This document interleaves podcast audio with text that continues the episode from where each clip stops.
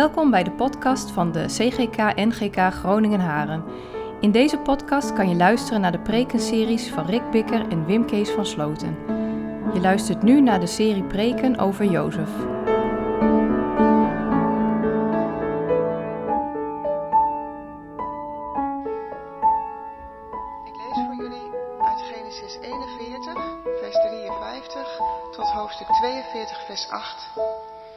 Daarna uit 1 Johannes 1.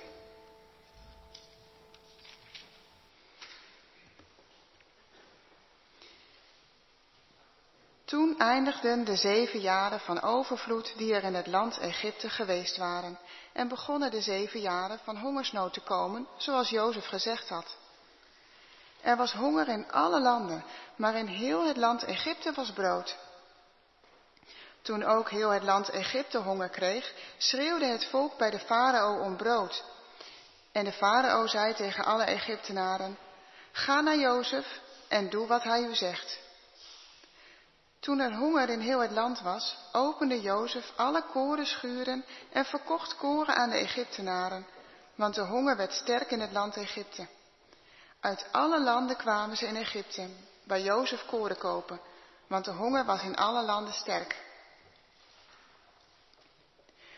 Toen Jacob zag dat er koren in Egypte was, zei Jacob tegen zijn zonen, waarom kijken jullie elkaar aan? Verder zei hij, zie, ik heb gehoord dat er koren in Egypte is. Trek erheen en koop daar koren voor ons, zodat wij in leven blijven en niet sterven. Toen vertrokken tien broers van Jozef om koren uit Egypte te kopen. Maar Benjamin, de broer van Jozef, stuurde Jacob niet met zijn broers mee, want hij zei, anders zou hem een ongeluk kunnen overkomen. Zo kwamen de zonen van Israël daar aan om koren te kopen, te midden van anderen die kwamen, want er was hongersnood in het land Canaan. En Jozef, hij was de machthebber over dat land, hij verkocht koren aan de hele bevolking van dat land. De broers van Jozef kwamen en bogen zich voor hem neer met het gezicht ter aarde. Toen Jozef zijn broers zag, herkende hij hen maar hij deed zich tegenover hen voor als een vreemde en hij sprak harde woorden tot hen. Hij zei tegen hen, waar komt u vandaan? Ze zeiden, uit het land Canaan om voedsel te kopen. Jozef herkende zijn broers, maar zij herkenden hem niet. Ik lees verder uit 1 Johannes 1.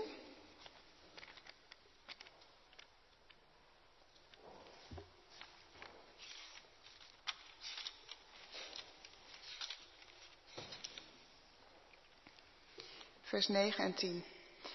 Als wij onze zonden beleiden, hij is trouw en rechtvaardig om ons de zonden te vergeven en ons te reinigen van alle ongerechtigheid. Als wij zeggen dat wij niet gezondigd hebben, maken wij hem tot leugenaar en is zijn woord niet in ons.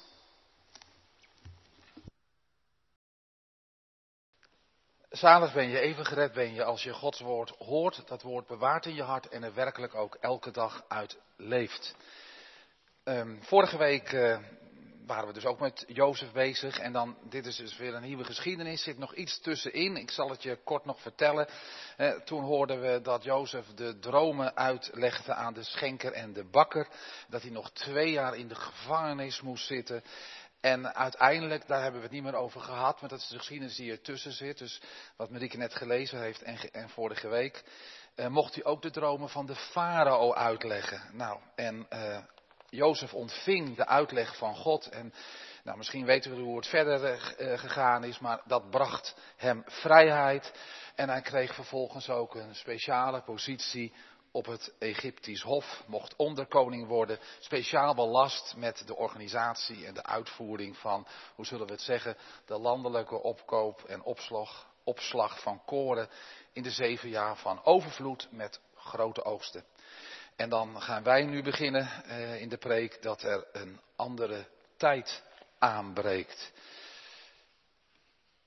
Na de verkondiging uh, ga ik met jullie bidden en danken en dan zingen we Psalm 33, vers 7 uit de nieuwe berijming.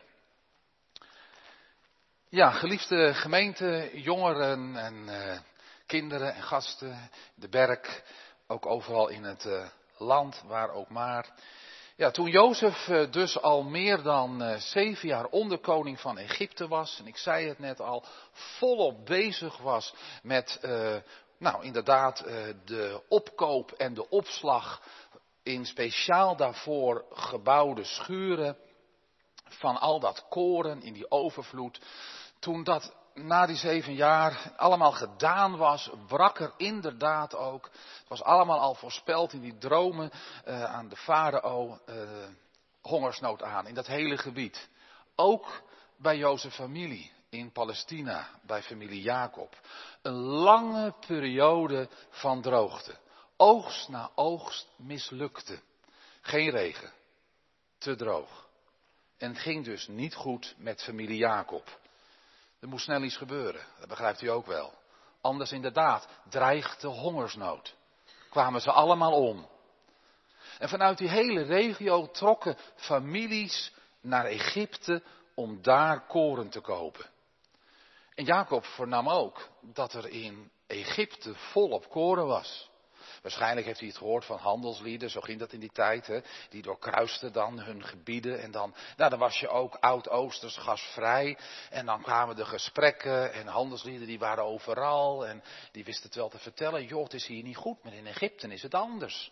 Of ze hadden het inderdaad gewoon gehoord van andere Bedouinen, herdersfamilie in de woestijnen die ze ook wel tegenkwamen. In ieder geval, Jacob vernam het. En vertelde het zijn zoons. De situatie was echt ernstig. Want eigenlijk dwong Jacob zijn zonen naar het land van de Farao's te gaan. Dat kan je wel opmaken aan dat vers 2, dat staat in de gebieden de wijs. Trek naar Egypte, koop daar voor ons korenzonen, zodat we in leven blijven en niet sterven. En die zoons, die hadden paas dwang ook nodig. Want mensen, gemeente, toen Jacob het woordje Egypte in zijn mond nam, hebben ze elkaar vooral stilzwijgend aangekeken. Daar heeft Jacob het ook over in vers 1. Waarom kijken jullie elkaar aan? Als Jacob het dus over koren in Egypte heeft, dan lezen we, Jacob ziet het, kijken zijn kinderen hem alleen maar aan, zijn zoons. Ze kijken elkaar aan. Dat staat er. En ik weet het wel, misschien kunt u het ook invullen, maar uh, Egypte inderdaad, Egypte inderdaad, dat herinnerde aan broertje Jozef, die bedweter, met zijn dure mantel van paps, zijn merkmantel, noem maar op, met zijn neerbuigende dromen. Ja, over dat de hele familie eens zou buigen voor hem, voor broertje lief. Ze herinneren zich ook nog meer. Zo kan ik dat voorstellen, toch? Wat hadden ze met Jozef uitgehaald? Toen ze hun kudde eens in de velden van Sichem te grazen hadden, had Jozef ze namens hun vader opgezocht. Ze hadden hem in een leegstaande put gegooid. En ze hadden hem uiteindelijk voor, nou wat is het? Ja, het is ook wel geld. Maar ja, oké. Twintig zilverstukken aan Ismaëlitische handelslui verkocht. En inderdaad, richting Egypte. Waren zij van dat jog af? Waren zij van dat. Wegwezen jij met je, met je koningsdromen. Zoek het uit in Egypte. Hoe het allemaal daarna verder gegaan is met de familie Jacob, dat lezen we niet. Want we gaan met Jozef mee. Maar je leest er nog wel van dat ze, dat ze bij, bij uh, vader Jacob teruggekomen zijn. Toen met, met met alles wat er gebeurd is. Met Jozef in de put verkocht en alles. En nou ja, wat moesten ze vertellen? Nou ja, daar kwamen ze met, met Jozef mantel. Gedrenkt in het bloed van een, van een geslacht geitenbokje. Ah, vader, kijk eens. Ze hebben hem, laat ik het maar zeggen, een verhaaltje verteld. Iets op de mouw gespeld. Kijk pa, kijk pa. Dit hebben we gevonden. Is het niet Jozef Mantel? En, en, en, Jacob had de conclusie snel moeten trekken. Een wild dier heeft mijn zoon verscheurd, kan je lezen, en opgegeten. En Jacob was in huilen uitgebarsten. En hij had inderdaad gezegd erachteraan, dit gaat niet meer over, echt niet. Ik zal treuren om mijn zoon. Tot in mijn graf. Jozef broers hadden hun vader nooit de werkelijkheid beleden. Ze zullen het, ik ga met u, gaat u met me mee, ze zullen het voor elkaar ook doodgezwegen hebben. Ze kregen Jozef ook niet meer terug. Dat is één. En ze moesten ook door. En na zonde, niet beleden zonde, had meer dan dertig jaar de leugen bij familie Jacob geregeerd. Kleine en achterkinderen, kan ik me zo voorstellen, waren geboren, groeiden op, hadden de, ervan gehoord, nou het verhaal wat verteld was, en, en die, die waren gekomen naar, naar papa, papa Ruben en vul maar in, papa, opa had toch twaalf zonen, dat heb je toch verteld, maar hoe is het nou ook weer gegaan? Ja, ja één is er inderdaad door een wild dier verscheurd. Maar papa, opa hield toch heel erg veel van hem. Ja. Ik denk dat Jozef, broers, ex-Benjamin, zo zijn omgegaan met wat ze hun broertje aangedaan hebben. Inclusief, laat ik het achteraan zeggen, kan ik me zo voorstellen, nog eens af en toe een droom. Nog eens af en toe, hoe zeg ik het, een nachtmerrie. Inclusief onwetende echtgenoten, zussen, noem maar op. En dan nu? Egypte? Vader, wij naar Egypte? Verder was het stil gewezen, gebleven. Lees het maar. Ze zeggen niks. Het staat er niet. Het is niet zomaar voor niks. Ze zeggen niks. Stilte. Egypte bracht ze bij hun niet beleden zonde, schuld, schaamte, leugen. Nooit was hun relatie, als je erover doorgaat, hè, met vader na dat Jozef ongeluk meer geweest zoals het ervoor was. Was het ook al niet meer goed. Maar nu in ieder geval, ik kan me zomaar voorstellen, als ze, als ze met pa aan het praten waren, met pa over van alles en nog wat. En wel gezellig en goed ook, natuurlijk hebben ze gehad. Was er altijd zoiets in het hoofd. U moet eens weten.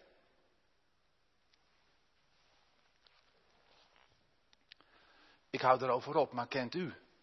Ken jij van deze gevoelens? Bij jezelf. Over niet beleden misstappen. Zonde. Over verzwegen valpartijen. Hoe zeg ik het? Uitglijders. Van jezelf. En, en als het uitglijders zijn. En als het valpartijen zijn. Dan heeft het altijd te maken met toegeven, linksom of rechtsom, aan Satans aanbiedingen zo fout. Je schaamt je. Het zit diep. Als zij, hij, het te weten komt. Je probeert het te vergeten. Maar soms word je er wakker van. En dan zeg je zachtjes tegen jezelf, zeg maar dat het niet gebeurd is. Maar het is wel gebeurd. En, en bij allerlei gelukkige positieve momenten met haar, hem of hen met een tweepoot, komt kom toch weer die gedachten opzetten.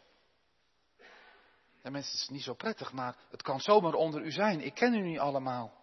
En ik ken u thuis ook niet. Maar dat je denkt, ik ben toch maar een poppenkastspeler. Ik ben ergens toch een leugenaar. Jacob had tegen zijn zoons het over Egypte. En ze keken elkaar enkel aan. Silencio erachteraan. Gemeente, dit triggerde mij. Ook onder ons zal er van zijn. Het is van Satan. De vorst van de duisternis. De vorst van de leugen. De diabolus. De uit elkaar speler. En het is ook als predikant maak je natuurlijk wat mee, hè, van je, krijg je nog wel eens wat te horen. En dan gaat het soms, ik ga het niet vertellen allemaal. En ik, moet helemaal, ik ga helemaal niks zeggen natuurlijk. Maar ik ga wel zeggen van dat het generaties door kan gaan. Als, als ondergronds veenbrand. Hoe noem ik het? Wie heeft Satan hier ermee? Of thuis? In de kluwen. Dit is me wel een dingetje. Maar ik sla het ook niet over. Daar ben ik ook voor ingehuurd. Dat is een beetje En ik trek mezelf er ook in mee.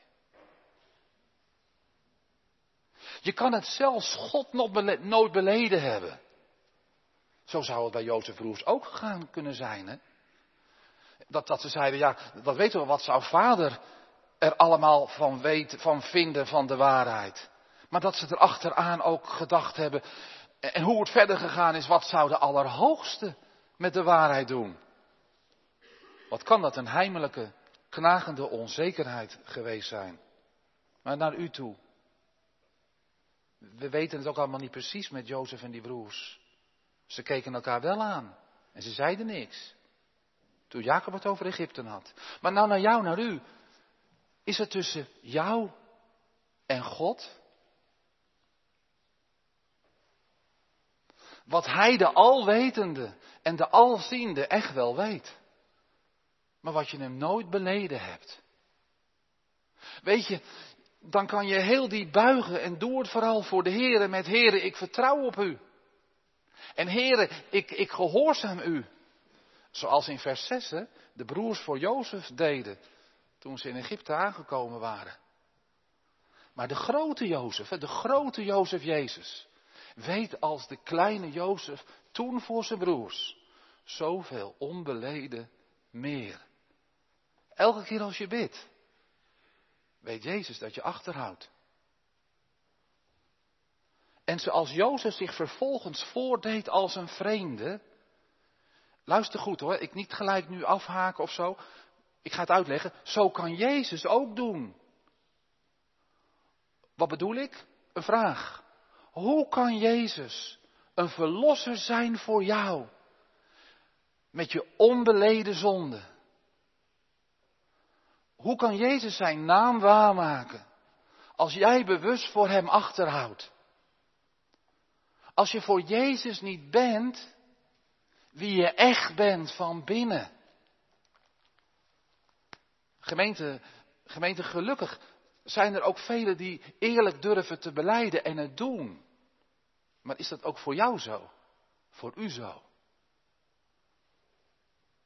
Misschien niet. Gelukkig als je het wel kan, laat ik op jou doorgaan. Maar wat is het heerlijk als je eerlijk met Jezus bent. Het is toch ook wel heerlijk als je eerlijk met je echtgenoot, je vrouw, je vriend, je vriendin, je zus, je broer kan zijn. U kent dat toch? Maar wat is het heerlijk als je eerlijk met Jezus kan zijn? Dat je in je gebed kan zeggen, als je de troon nadert. Heere, hier ben ik. Helemaal.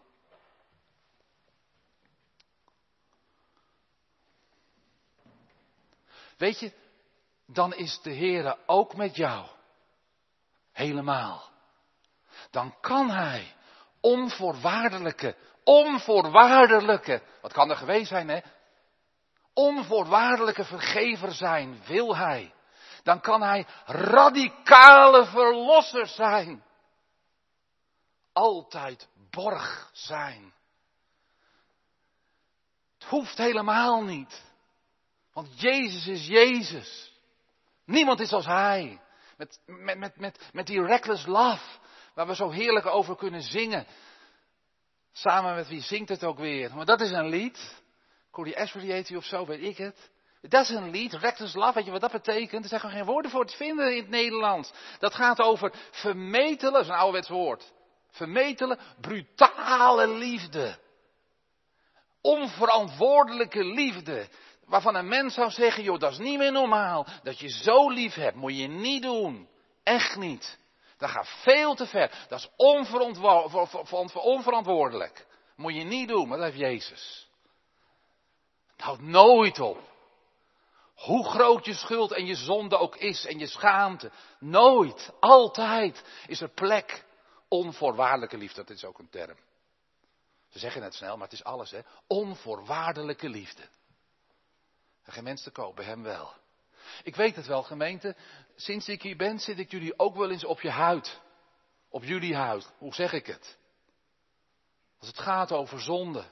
Over dingen die je lelijk en minder maken voor jezelf ook en voor een ander. Ik zit je op je huid, dat realiseer ik me. Ik doe het echt niet graag voor de lol of zo. Maar ik mag het doen en ik moet het doen als een dienstknechtje van de grote Jozef. En dat meen ik serieus. De zalig maken. Net zo, dan pak ik even uit. Die vermetele liefde. Die wil ik doorgeven. En daarom wil ik blootleggen en je misschien nu confronteren. In naam van Hem. Wat kan je dwars zitten? Misschien leef je ermee en denk je het gaat wel zo goed, maar het is niet goed. Hij is overwinnaar van dat alles. Van zonde, van leugen en overwinnen naar van mister zondemaker zelf. Laten we dat niet uitvlakken, want dat is het grote feest natuurlijk. En nu avondmaal. Je bent er gewoon aan toe aan avondmaal te vieren. Ik vraag je namens mijn zender. Hou je achter voor je naaste. Hou je achter voor God. Dan stuur ik je helemaal nu niet weg. Zeg van, nou ja, heb het maar niet over. Dan zeg ik, kies voor bevrijding. Er is een geweldige Bijbeltekst. Ik hoop dat hij nu gaat zingen. Jezus biedt hem jullie aan. Vier apostel Johannes. Marieke heeft hem gelezen. Nu vanaf zijn tafel hier. En zie de kracht in de tekenen van zijn zondaarsliefde. De brood en het wijn. Hij wenkt. Jezus is in de house gemeente, mag ik het zeggen? Dat is me wat. Hij is op afspraak bij jou. Had je het misschien helemaal niet vanmorgen verwacht? Over dat dingetje en dat dingetje. Het is tijd. hij zegt, kom. En hij zegt je. Als jij die schaamte, dat nare, dat zware, die zonde beleidt tegen mij. Ik ben getrouw en rechtvaardig. Ik wil niet liever om je zonde te vergeven en je te reinigen compleet. Schoon gewassen, fris, mooi van alle ongerechtigheden. Toen de broers in Egypte bedend om koren diep voor Jozef bogen, ja, toen maakte die kleine Jozef, dat moet ik zeggen, dan ga je van Rick wel horen, zichzelf nog niet bekend. Nee, Jozef was ook een mens. Ook rancuneus zondig. Maar de grote Jozef, die spreidt zijn armen wagenwijd. En die roept vandaar, kom mijn kind. Wat laat je jezelf bang maken. En ringen loren. Een slaaf maken van de leugenvorst. Al daar komt hij weer. Oh, het is zo mooi.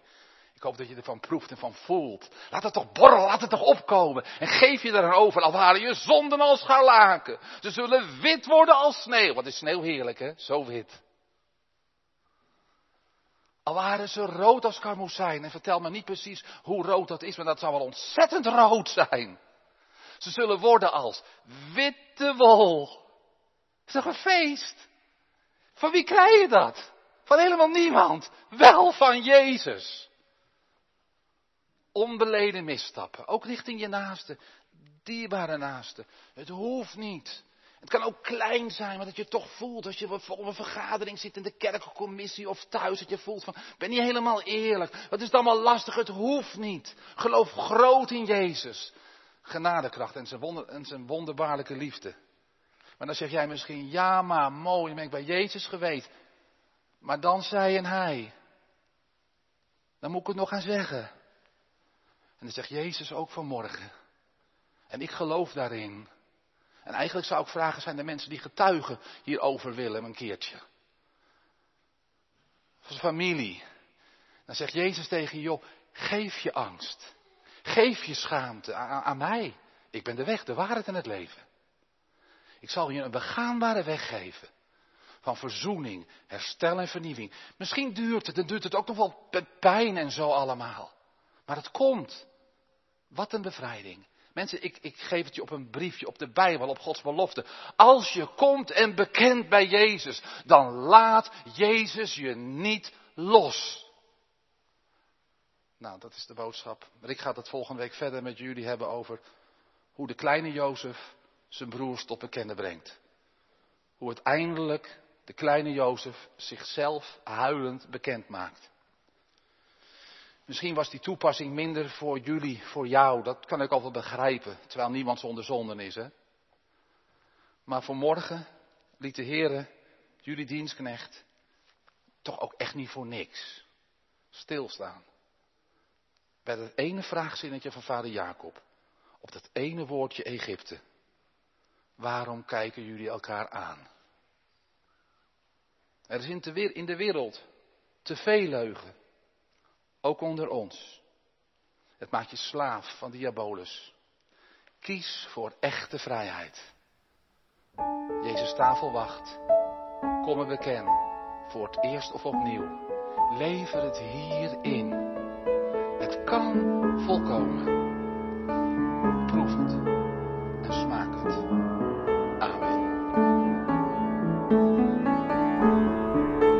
Bedankt dat je naar deze podcast hebt geluisterd. Wil je reageren? Stuur dan een e-mail naar podcast.cgk-gn.nl. Hopelijk tot de volgende aflevering.